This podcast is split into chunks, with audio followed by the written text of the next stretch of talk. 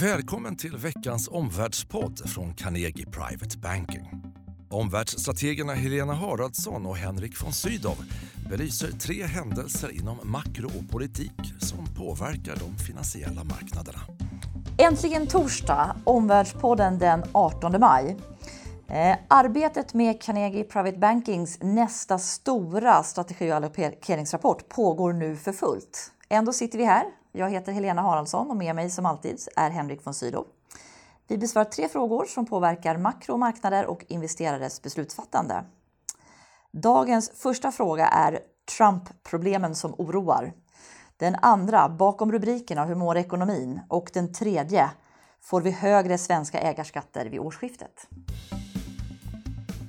Fråga 1 då Henrik. Nyheter om Trump har ju nu tyngt börserna i två dagar. Eh, presidenten ska ha försökt stoppa en Rysslandsutredning bland annat. Vad är marknaden orolig för? Det här påverkar förstås möjligheterna för presidenten och kongressen att fatta beslut om reformer som ökar tillväxten. Och det här är reformer som marknaden dels har räknat med. Det är sänkt bolagsskatt, det är infrastruktursatsningar och det är avregleringar. Marknaden har köpt på löften. Nu ser det svårt ut med leverans. Det här kommer förstås binda tid och energi för beslutsfattare i Washington. Ja. Eh, nattens nyhet om att en särskild utredning ska tillsättas för att granska Trump-administrationen och deras samröre med Ryssland. Vad betyder det? Eh, det är presidentens värsta mardröm. Det här är en mycket respekterad utredare, den förre FBI-chefen. Han får stora befogenheter. Nu fortsätter det här Rysslandsspåret, tvärt vad Trump vill. Och det här kommer säkert också att ta ytterligare tid och det är också tvärt vad eh, Trump vill.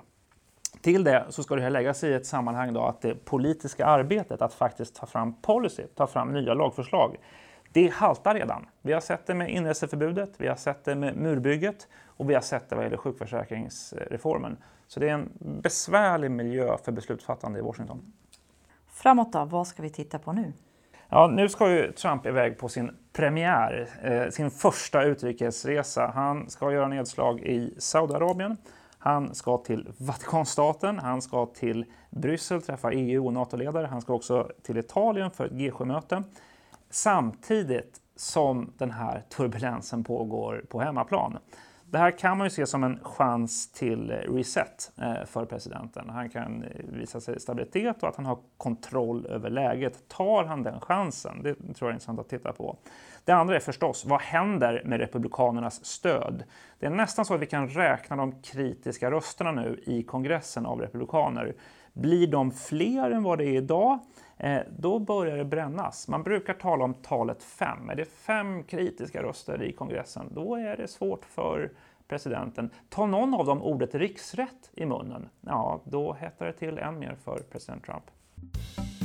Ska vi hålla oss kvar eh, vid USA något och gå lite grann från de politiska rubrikerna till hur ekonomins eh, fundamenta. Tillväxten var ju svag i det första kvartalet, men amerikansk industri ser ut att eh, överraska. Eller hur tycker du trenderna är?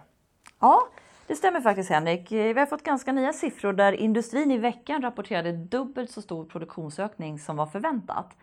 1% mot 0,4. Och det är bra siffror.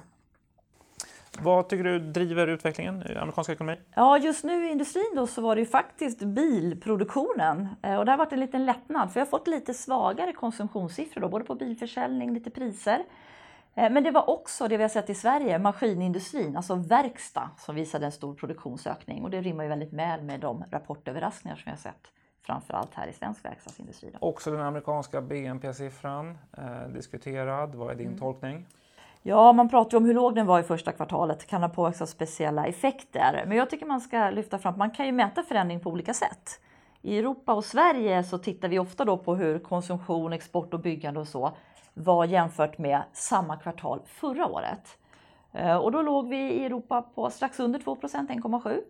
Om vi mäter USA på samma sätt, då får vi inte den här låga siffran utan då hamnar vi på 1,9, nästan hela 2 den här låga siffran som rapporteras, det är mer momentum. Då tittar man kvartalet jämfört med kvartalet innan och då kan man vara påverkad av saker som arbetsdagar, tidpunkter för när skattemyndigheten gör utbetalningar som påverkar hushållen och sådär. Så att jag skulle säga att både Europa och USA växte kring 2% i första kvartalet. Eh, och slutsatsen då, då blir att eh, man får bevaka makro noga, särskilt nu när politiken är så orolig. Då, då. Det är viktigt för vinstutvecklingen. Tung statistikvecka första veckan i juni. Ja, till den sista frågan då eh, för dagen. Ägarskatterna, de så kallade 3.12-reglerna, Henrik, de skapar ju rubriker, det är ett hårt tonläge. Vilket förslag är det som är på väg fram? Det som har skapat rubriker i affärstidningarna i veckan det är ju ett förslag som både rymmer en höjd skatt på kapitalvinster från eh, fåmansbolag, de som berörs av de så kallade 3.12-reglerna, och samtidigt som man begränsar utrymmet för att göra utdelningar till den här då ändå något lägre kapitalskatten om du jämför det med en högre inkomstskatt. Det här är pengar som ska in till finansministern på 2,8 miljarder, eh, tas från alltså ägarledda eh, företag. Eh, det som nu ligger på bordet eh, det har status av att vara ett utkast till lagrådsremiss. Det, ska alltså, det är fortfarande en arbetsprodukt får man säga, eh, arbetsmaterial. Eh, samtidigt så är det här eh, ägarskattedramat, eller 3.12-dramat, eh, ett förslag som faktiskt hotar regeringens existens. Det är mycket kopplat till med vilken respons kommer eh, riksdagen, eh, och Alliansen och Sverigedemokraterna att ha på skatteförslaget.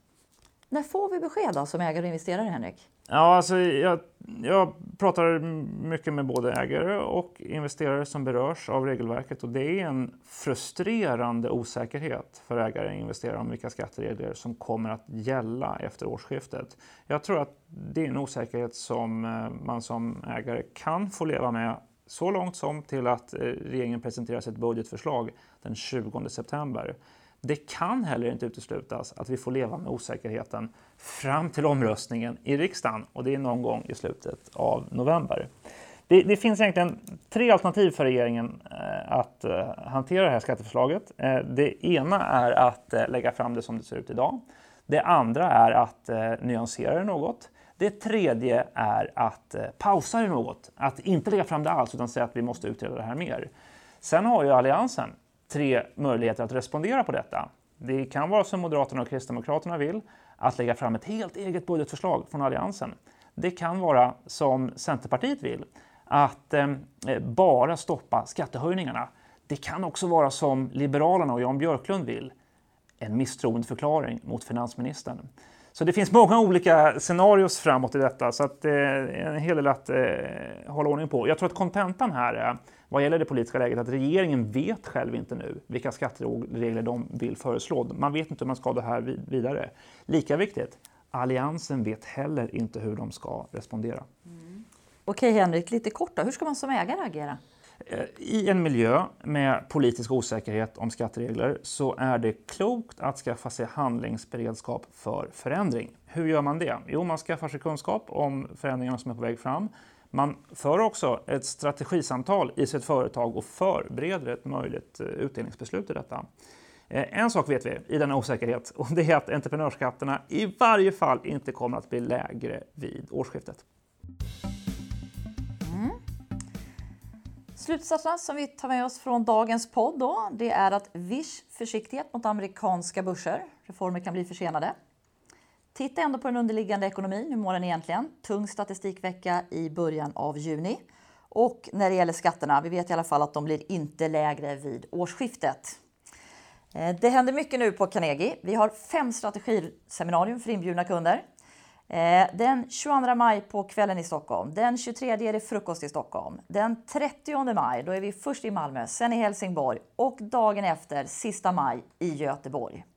Vi kommer efter det också lägga ut filmer på hemsidan under juni månad. Så några av lyssnarna kanske vi träffar här i närtid, men hur som helst, vi hörs nästa torsdag i Omvärldspodden. Tack för att du har lyssnat på Omvärldspodden från Carnegie Private Banking. Vill du veta mer om vad som händer i vår omvärld och få aktuella idéer till affärer? Gå då in på www.carnegie.se veckans viktigaste och prenumerera på vårt nyhetsbrev.